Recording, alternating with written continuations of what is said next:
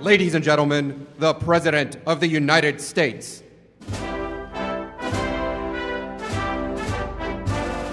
Wordt het nog eens president Trump of wordt het president Biden?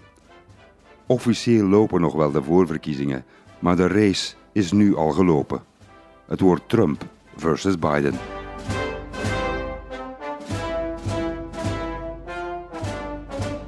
De komende tijd wordt er nog voorverkozen in Nebraska, Oregon, Hawaii, Delaware, Maryland, Pennsylvania, Louisiana, New Mexico, New Jersey, Connecticut, Indiana en New York in 20 staten van de 50.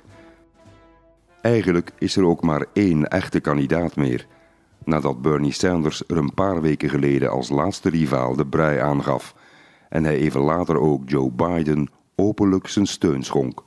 I cannot, in good conscience, continue to mount a campaign that cannot win and which would interfere with the important work required of all of us in this difficult hour. I accept your nomination. I accept your nomination. I accept your nomination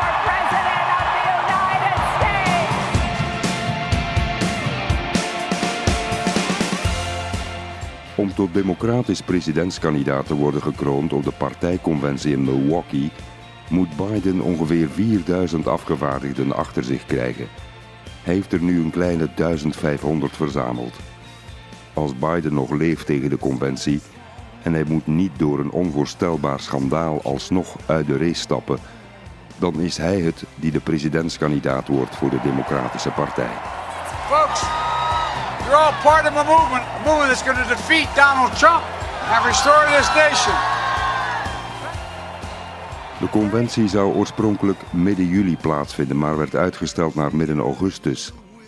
Op dit moment weten we niet eens of ze ook echt plaats zal vinden, als de coronacrisis tegen dan nog blijft voortwoeden. Dat zou een unicum zijn. Geen conventie, geen partijfeest, geen partijpubliciteit op televisie. Nogmaals, de coronacrisis heeft de bekende wereld helemaal op zijn kop gezet. We have a tremendous way to go. Our future has never, ever looked brighter or sharper. Deze race wordt een referendum over Donald Trump. Vergeet al de rest. Ben je voor of tegen Trump? Wil je nog eens vier jaar Trump of niet? Daar en daar alleen gaat het over op 3 november 2020. We accomplished more than any other president has under circumstances that no president has had to deal with before. Het zijn onvoorstelbare politieke jaren geweest, jaren voor de geschiedenisboeken. Intriges, polarisatie, ruzies en schandalen, shutdowns, opgesloten kinderen in kooien aan de grens, de hele affaire over mogelijke samenwerking tussen de Trump-campagne en Rusland, het Mueller-onderzoek dat op een sisser eindigde, de bijna oorlog met Iran na het uitschakelen van generaal Soleimani, de ophefmakende afzettingsprocedure tegen Trump. Het lijkt allemaal al eeuwen geleden, terwijl het amper drie maanden is dat de president werd vrijgepleit in de Senaat. De president vierde het met een persconferentie in het Witte Huis op 6 februari. We went through hell, and I'm sure they'll try and cook up other things. They'll do whatever they can. Because instead of wanting to heal our country and fix our country, all they want to do, in my opinion, it's almost like they want to destroy our country. Een dag of twee ervoor had congresleider Nancy Pelosi, net 80 geworden, nog voor de camera's de toespraak van de president in het parlement met veel bravoure verscheurd. De geschiedenis beweegt zich in het Trump-tijdperk met het tempo van een bliksemschicht. Het menselijk geheugen is kort, de nieuwscyclus te vluchtig om het allemaal door te laten dringen. De Amerikaanse kiezer moet diep nadenken over de stortvloed van feiten en gebeurtenissen. De werkende klasse heeft de lonen niet zien stijgen tot een fatsoenlijk niveau.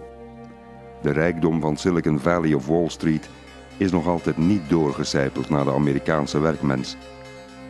De torenhoge kosten voor huisvesting, ziekteverzekering en hoger onderwijs blijven de modale Amerikaan grote zorgen baren. Amerika's pensioenen blijven ontoereikend. De gemiddelde Amerikaan heeft nog altijd geen spaargeld.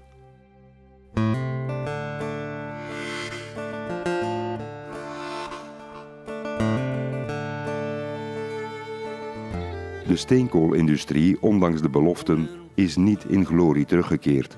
De normen voor uitstoot van vervuilende stoffen zijn heel erg verslapt. Autofabrieken mogen weer olieslurpende terreinwagens produceren zonder straf en met een grotere uitstoot van CO2.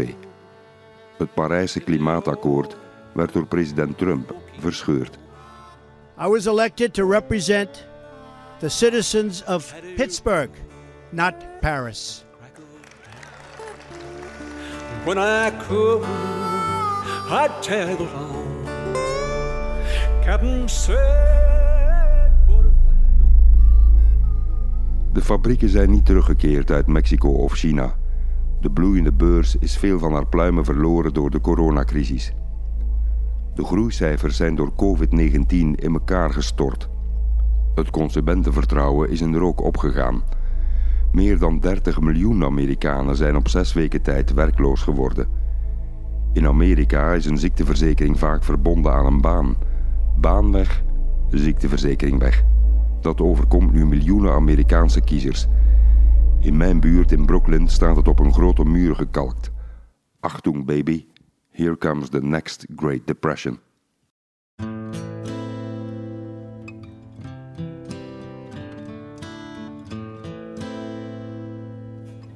De geloofwaardigheid van Amerika is de afgelopen vier jaar afgenomen, vaak door de onbesuisde acties van president Trump.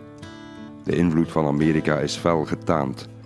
De handelsoorlog met China en Europa heeft de boeren van de Midwest verarmd, ondanks de tientallen miljarden dollars subsidie om de verliezen op te vangen.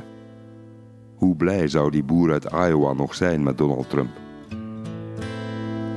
I hurt myself today to see if I still feel. Trump blijft Trump. Hij kent de regels van de showbiz. Alle PR is goede PR. Trump is het bekendste merk op aarde. Hoeveel Amerikanen zullen het merk in november de rug toekeren? De laatste rally die ik zag in Des Moines, daar waren ze toch nog flink enthousiast. De Trumpers zijn blij en gelukkig met hun president.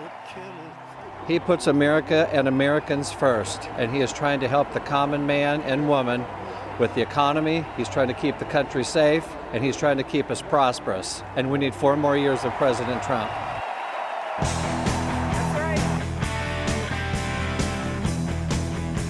Trump is bij het overgrote deel van zijn achterban populair gebleven. Hij is hun favoriete rebel.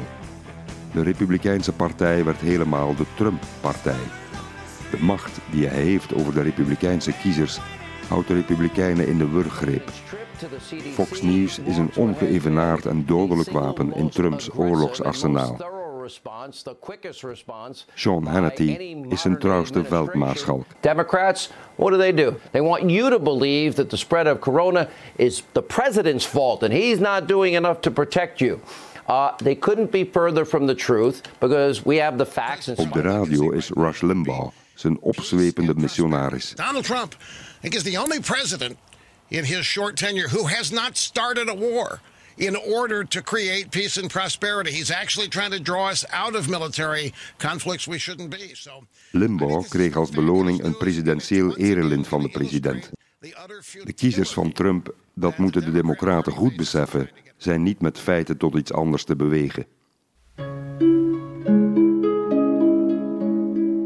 Het wordt van deze verkiezing vaak en terecht gezegd: Trump kan de verkiezing misschien niet winnen, maar de Democraten kunnen ze zeker wel verliezen. Denk maar niet dat de Republikeinen Trump gaan laten vallen. Zijn populariteit is zeer stabiel, altijd tussen de 40 en 45 procent. Dat is laag, maar het was in 2016 genoeg om te winnen. En het kan in november nog een keer genoeg zijn om de overwinning te behalen. Maar, maar. De verkiezing is nu anders dan vier jaar geleden. In 2016 was het in essentie een referendum over Hillary Clinton. Trump kreeg een pak stemmen van kiezers die Hillary Clinton haten en de elite en het neerbuigende gedrag van de bedweterige democraten uit de grote steden. Dat was toen de strijd. En Trump ging onverwacht met de hoofdprijs lopen. Dit keer wordt het toch anders. Het gaat over Trump en over Trump alleen. Zoals Ronald Reagan zich in de verkiezing van 1980 luidop afvroeg. Are you better off than you were four years ago? Is it easier for you to go and buy things in the stores than it was four years ago? Zijn Amerikanen nu beter af dan vier jaar geleden? Helaas voor de Amerikanen. Nee. Trump had aanvankelijk nogthans geluk.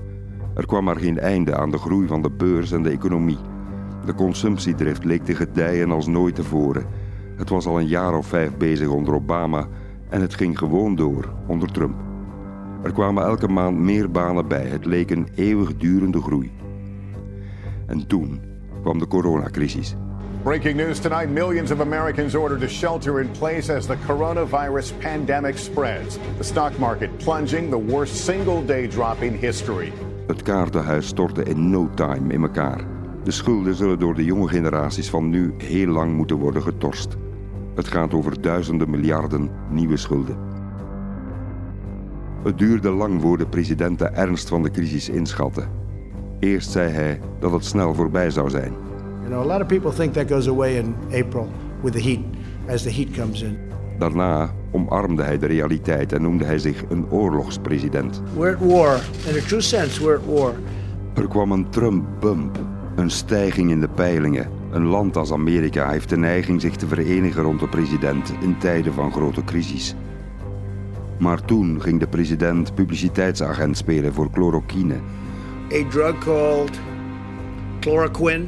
Waarvan het nut nog niet is bewezen. Integendeel. Eind april suggereerde Trump ook bleekwater als geneesmiddel tegen COVID-19. And then I see the disinfectant, where it knocks it out in a minute, one minute. And is there a way we can do something like that uh, by injection inside or? De Trump-dump was een feit. Een daling in de peilingen. Meer en meer Amerikanen zien Trump niet langer als de beste leider in deze crisis. The authority is total. The President of the United States calls the shots. Trump maakte ruzie met de democratische gouverneurs. Hij zei dat alle macht bij hem lag. L'État, c'est moi, zoals Lodewijk XIV. Trump als zonnekoning. The governors need us one way or the other because ultimately it comes with the federal government. De New Yorkse gouverneur Cuomo noemde de president King Trump, schender van de grondwet. The federal government does not have absolute power. We would have had King George Washington, and we didn't have King George Washington, and we don't have King Trump. We have President Trump. Trump weigerde extra geld te geven voor de staten waar de epidemie hard had toegeslagen en toevallig werden geleid door democratische gouverneurs. De president lijkt soms alleen maar president van een bepaald deel van Amerika. Donald Trump bracht de presidentscampagne die zo dood was als een pier weer tot leven toen hij protesten tegen de lockdowns en de thuisblijfbevelen van de gouverneurs aanmoedigde. In Michigan kwamen betogers op straat met de historisch zwaar beladen vlag uit het zuiden, de Confederate flag. Tot de tanden toegewapend met een long guns drongen conservatieve demonstranten het kapitool binnen in Lansing, Michigan, om te fulmineren tegen de democratische gouverneur Gretchen Whitmer.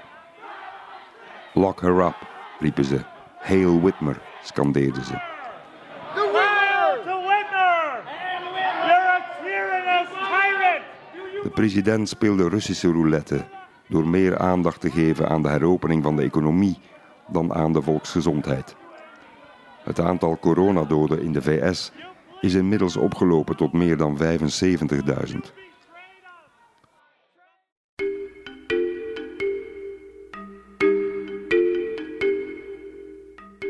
Waar is Joe Biden? Waar was Joe Biden? Hij leek van de aardbol verdwenen.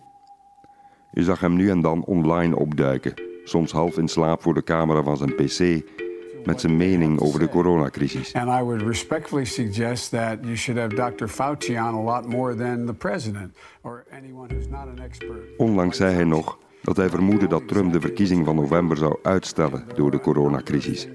Iets wat het Witte Huis prompt ontkende. That was just made up propaganda, not by him. No, uh, let him know I, I'm not thinking about it at all. Ze volgen hem nauwgezet daar. Hij is de vijand. Trump en de Republikeinen zijn er als de dood voor dat de stemming van november per post zal verlopen om een grote toeloop in stemlokalen door coronagevaar te ontwijken.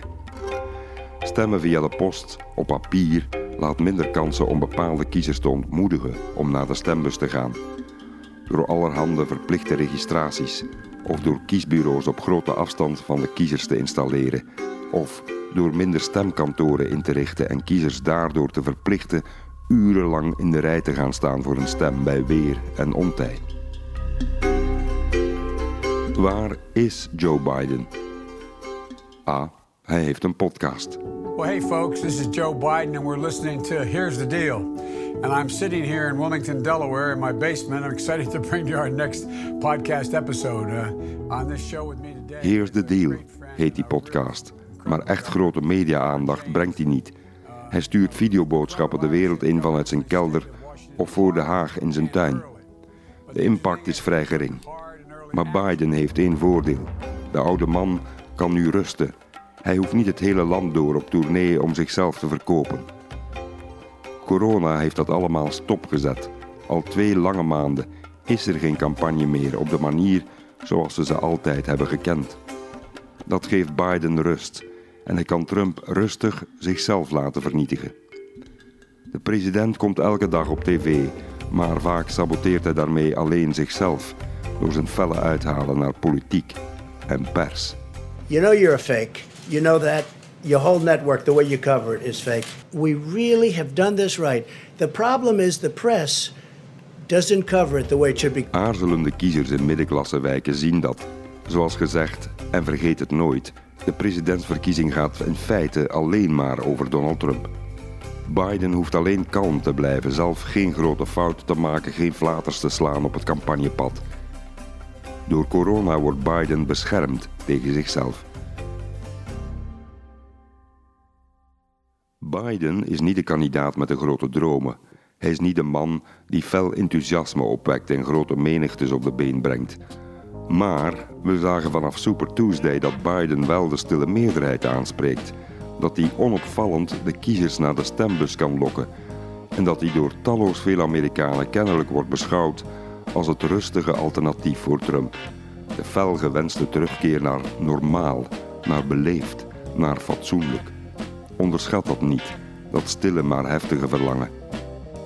De anti-Trumpers willen geen progressieve revolutie. Ze willen juist rust en ze willen terug naar hoe het vroeger was.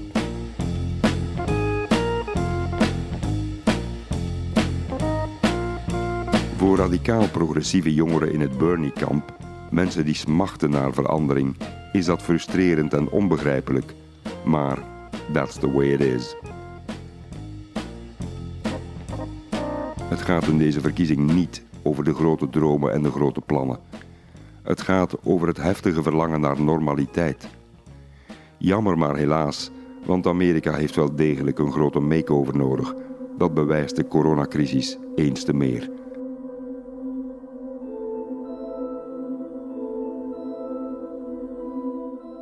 De overbelasting van het ziekteverzekeringssysteem, de lamentabele zorg, de stuitende armoede en de ellende bij het uitbreken van deze crisis, de stuitende ongelijkheid.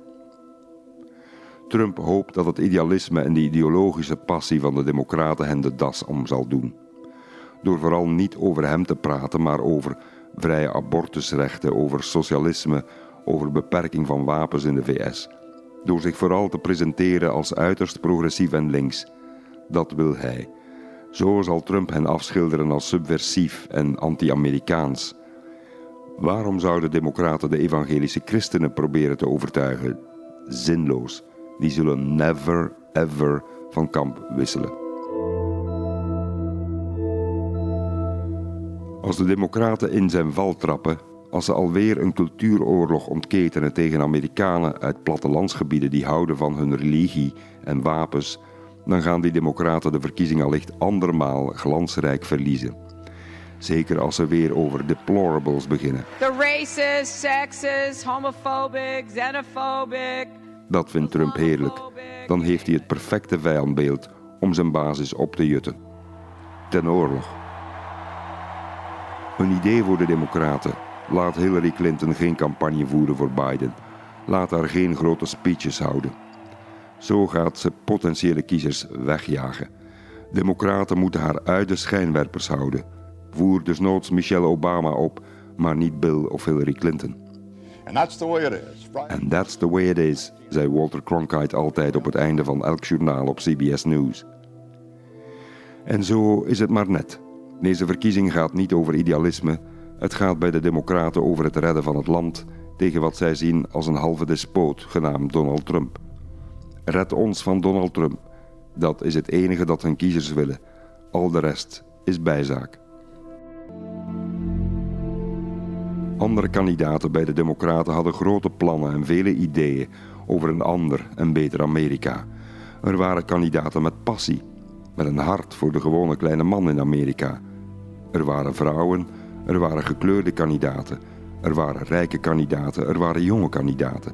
Er was Mike Bloomberg, er was Pete Buttigieg, er was Elizabeth Warren, er was Amy Klobuchar, er was Beto O'Rourke, er was Julian Castro, er was Cory Booker, er was Kamala Harris. Er was jeugd, er was vuur en retoriek. Alles wat Biden niet was of is. Maar het werd Biden. And that's the way it is. Good night. Kandidaat Biden werd in de eerste voorverkiezingen vierkant naar huis gespeeld.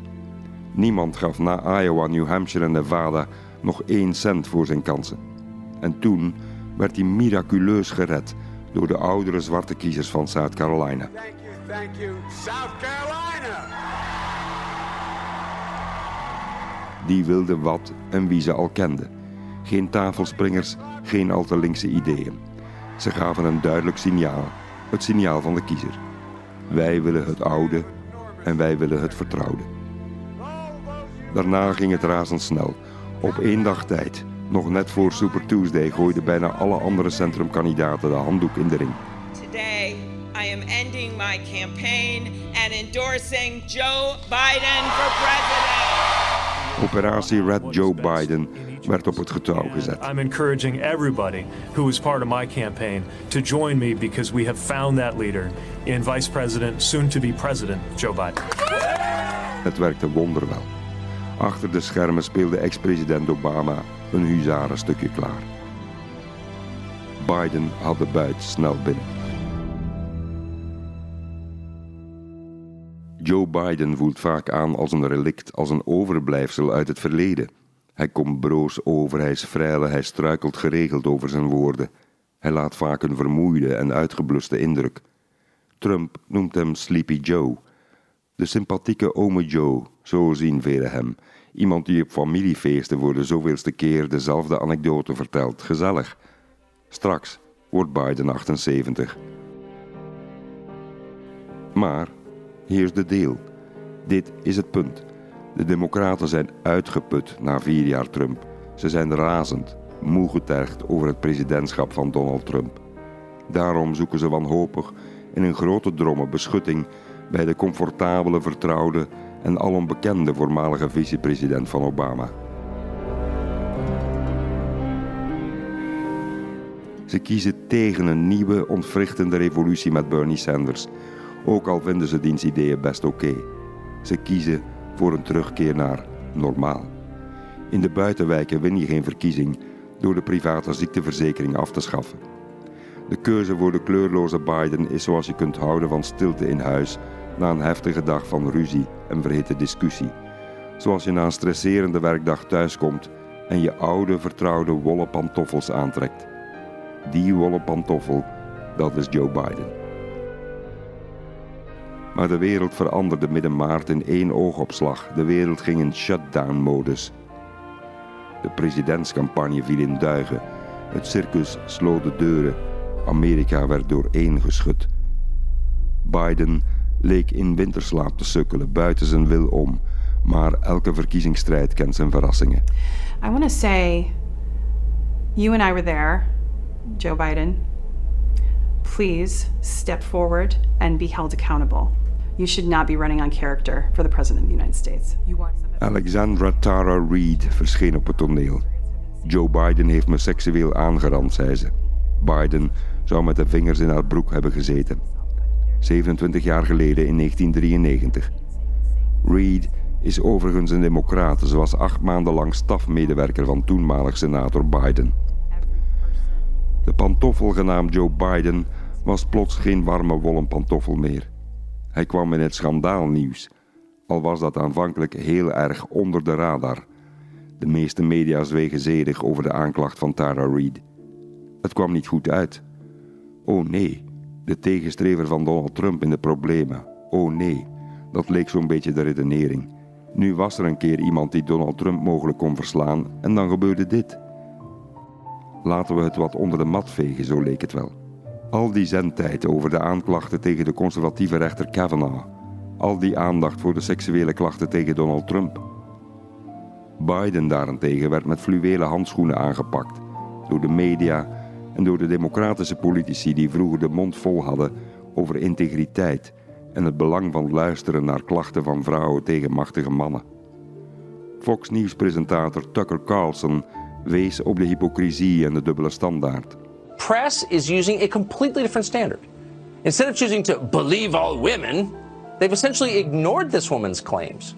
Niet dat hij Joe Biden schuldig vond, maar het viel hem niet geheel ten onrechte op dat er met twee maten werd gemeten door de Democraten en de meeste mainstream media. Geen enkele grote nieuwsorganisatie vroeg een interview aan Tara Reid, terwijl ze zich bij Christine Blasey Ford, de vrouw die rechter Kavanaugh betichtte van onbehoorlijk seksueel gedrag in de herfst van 2018, verdrongen om een tweegesprek. Na de klacht van Reid op 26 maart kwam Joe Biden bij vele zenders op tv. CNN, MSNBC, ABC, NBC. Gewoonweg niemand die hem een vraag stelde of vroeg naar een reactie op de aanklacht.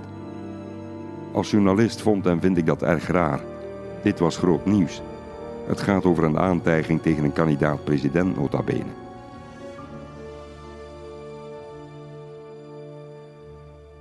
Het was snel duidelijk dat er hogere doelen spelen. De oorlog tegen Trump moet worden gewonnen. Begrijpelijk zeker, maar de journalistiek moet vooral vragen stellen tot welke kant een kandidaat-president ook behoort. Je kan niet roepen om onafhankelijkheid en daarna de schoothond spelen. Pas op 1 mei reageerde Joe Biden eindelijk na lang aandringend publiek op de aantijgingen. Hij deed dat bij het bevriende Morning Joe in het ochtendblok op NBC. Mika Brzezinski stelde de vragen. Joe Biden ontkende alles. Did you sexually assault Tara Reid? No, it is not true. I'm saying unequivocally, it never, never happened. And it didn't. It never happened. Niemand die Biden beschouwt als een seksueel roofdier. Niemand die zich Biden kan inbeelden als iemand die medewerksters tegen de muur plakt in de Senaat om ze vervolgens met zijn vingers te penetreren. Toch kwamen er vorige zomer ook al klachten over ongepast gedrag van Biden. Joe Biden is facing troubling accusations. Nevada Democrat Lucy Flores claims the former vice president inappropriately touched and kissed her head before. Geen aanranding, maar vervelend en ongemakkelijk makend gedrag tegenover vrouwen. Aanrakingen van het haar, de schouders en de wangen. Over Tara Reid zou hij hebben gezegd: Ik wil dat zij de cocktails rondbrengt op de receptie voor geldschieters, want ze heeft mooie benen. Gedrag van een ouderwetse man uit een tijd dat zo'n gedrag bon ton was. Dat vrouwen dat ongemakkelijk vinden werd lang weggehoond in een macho-maatschappij zoals de Amerikaanse. Mad Men, die tijd. The.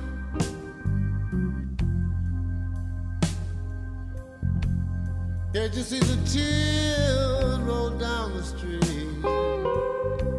Op de ongepaste opmerkingen en aanrakingen reageerde Biden aan tijd publiekelijk vorige zomer met halfslachtige excuses. In my career, I've always tried to make a human connection. I shake hands. I hug people. I, I grab men and women by the shoulders and say, "You can do this." And it's, it's the way I've always been. It's the way I've tried to show I care about them and I'm listening. Biden had op dat vlak al geen al te beste reputatie. Bijna 30 jaar geleden, in de zomer van 1991, weigerde hij als voorzitter van de juridische commissie van de Senaat om bijkomende getuigen op te roepen die de aantijgingen van Anita Hill tegen kandidaatrechter voor het Hoge Rechtshof Clarence Thomas konden bevestigen. Daar heeft hij nu spijt van, zei hij. She did not get a fair hearing. She did not get treated well. That's my responsibility.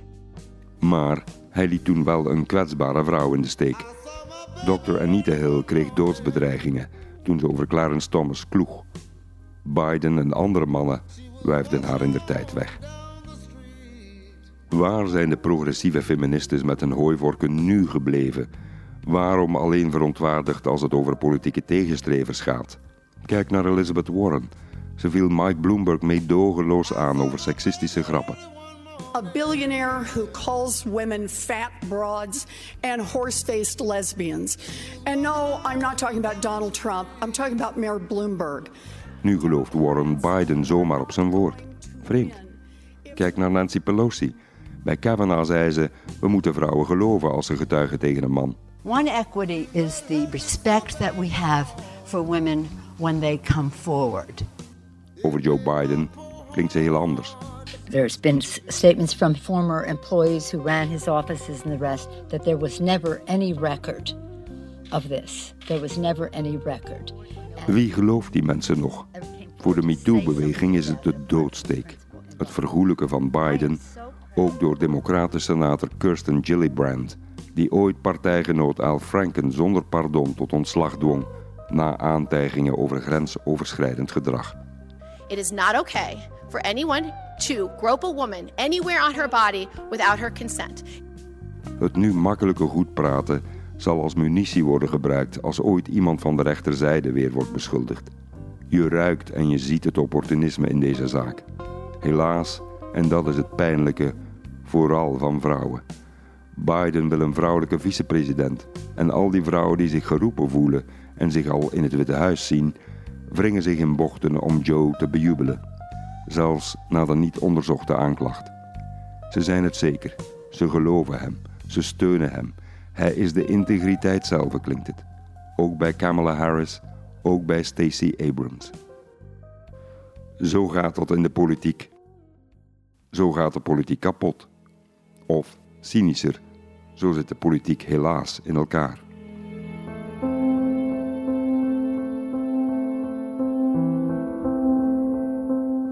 Allemaal steunen ze Biden. Allen tegen Trump. Allen voor Biden.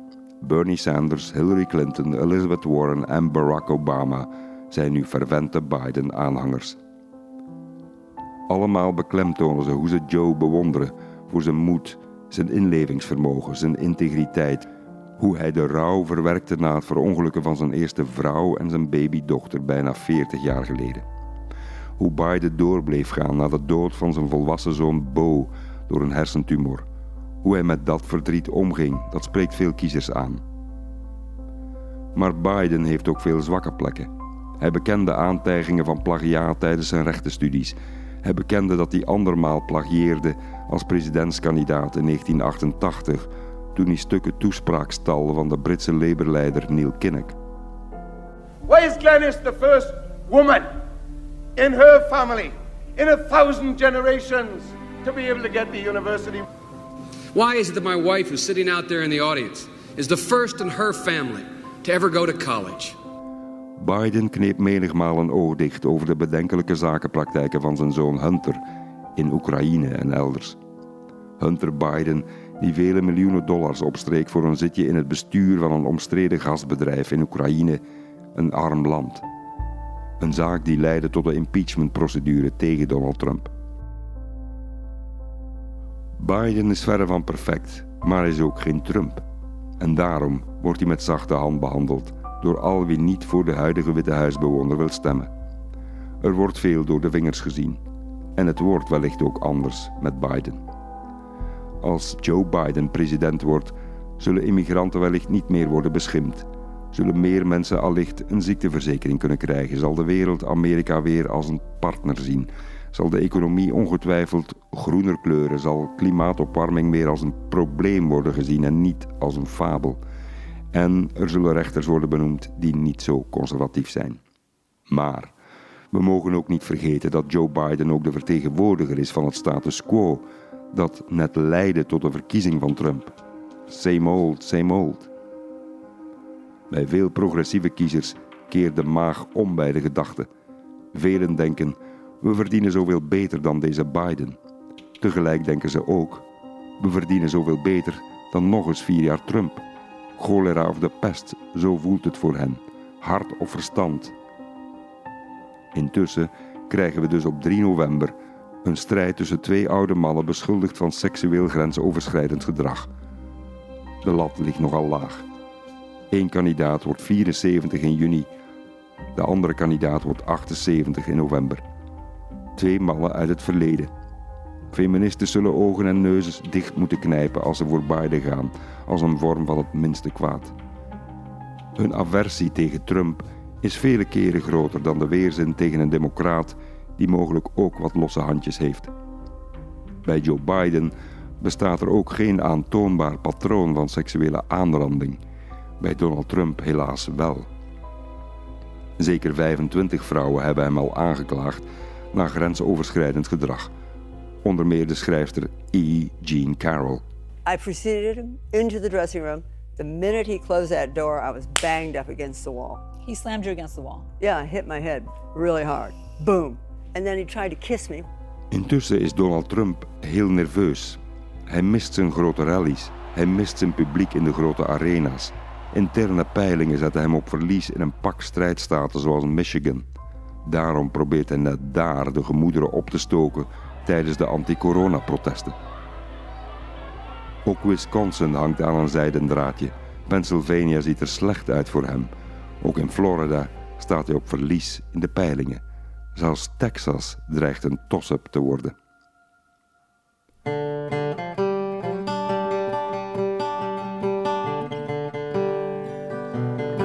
Als de economie niet weer tot leven wordt gewekt tegen de 3 november, ziet het er belabberd uit voor Donald Trump.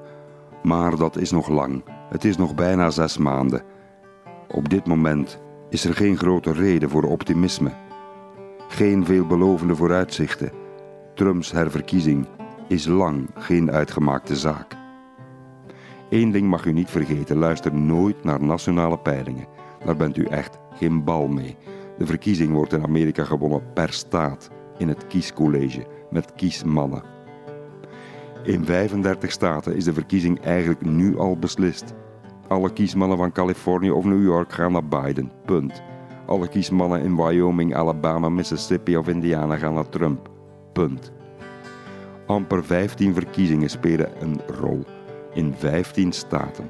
Het maakt niet uit wie landelijk het meeste stemmen krijgt. Zo werkt het Amerikaanse systeem niet. Er moet ook niet over worden gezeurd achteraf. Wie het meeste kiesmannen haalt in het kiescollege wint. Zo simpel is het. 270 kiesmannen en je bent president.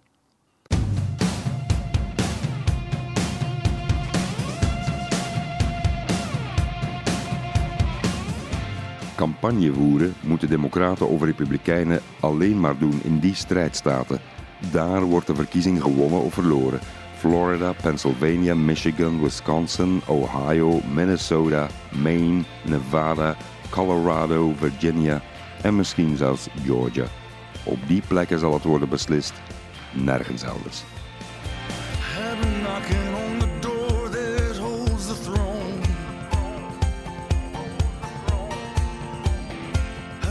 Democraten moeten ook beseffen dat je de hardnekkige Trump-kiezers nooit zal kunnen overtuigen. Ze zullen nooit voor de Democraten stemmen, tenzij die Trumpisten die ooit voor Obama stemden, toen hoopten op verandering, teleurgesteld raakten en vervolgens Trump een kans gaven. Nu zijn ze ook daarin teleurgesteld en kiezen ze misschien voor Biden. Heel misschien. Democraten moeten hun eigen achterban naar de stembus krijgen, de zwarte kiezers, de groeiende aantallen Latino's, de middenklasse, de progressieven. En geloof niet de fabel dat er massa's zwevende kiezers zijn. De meeste kiezers zitten al veilig in één kamp. Partijen zijn veel en veel verschillender van elkaar dan ooit tevoren. Er wordt nog maar weinig overgestapt. De enige groep die democraten kunnen terugpakken van Trump en de republikeinen is deze. De groeiende groep vrij hoog opgeleide vrouwen uit de suburbs, de buitenwijken. De weldenkende republikeinse vrouwen, de verkavelingsvrouwen. Degene die de huidige president een onbeschofte, onbeschaafde vlerk vinden. Een seksist, een racist. Die vrouwen stemden bij de midterms van 2018 ook alweer voor gematigde democraten. Niet voor zelfverklaarde socialisten zullen ze stemmen, dan blijven ze nog liever thuis. Of stemmen ze toch maar weer liever voor Donald Trump.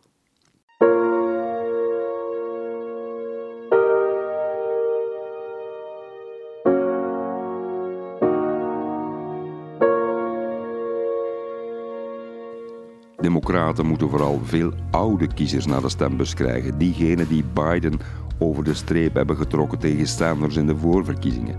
Het is een nuchtere vaststelling. De Democraten tellen nog altijd meer gematigde kiezers dan progressieve tot spijt van wie het benijdt. Zeker in die staten die ertoe doen op 3 november. Daarom is Bernie Sanders uiteindelijk weggestemd in de primaries, omdat veel democraten de diepe overtuiging koesteren dat een socialistische democraat nooit zal kunnen winnen. Dat Trump dan vrij spel krijgt om verkavelingsmensen bang te maken dat ze al hun rijkdom zullen moeten inleveren. Daarom is Joe Biden geen keuze van het hart, maar een keuze van het verstand. Een strategische keus om zoveel mogelijk Amerikanen tegen Trump te laten stemmen. Een man die weinig weerstanden opwekt. Daarom zoekt Biden ook toenadering tot Bernie na zijn capitulatie. Biden kan zich niet permitteren dat er net als in 2016 tussen de 10 en 15 procent van de Bernie-aanhangers uiteindelijk voor Trump stemden uit onvrede. My lucky stars to be living here today. Biden heeft elke democratische stem nodig. De marges zijn klein. Elke stem zal tellen. Indien niet, Donald Trump. Four more years. And I'm proud to be an American, where at least I know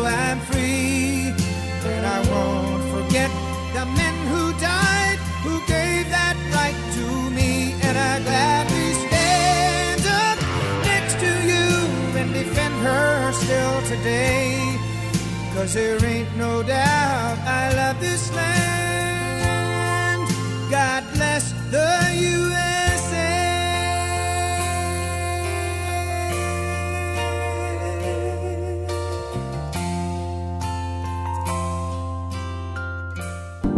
Dit was een podcast van vrtnieuws.be. Meer op de podcastpagina van vrtnieuws.be of via de podcast-app op je smartphone.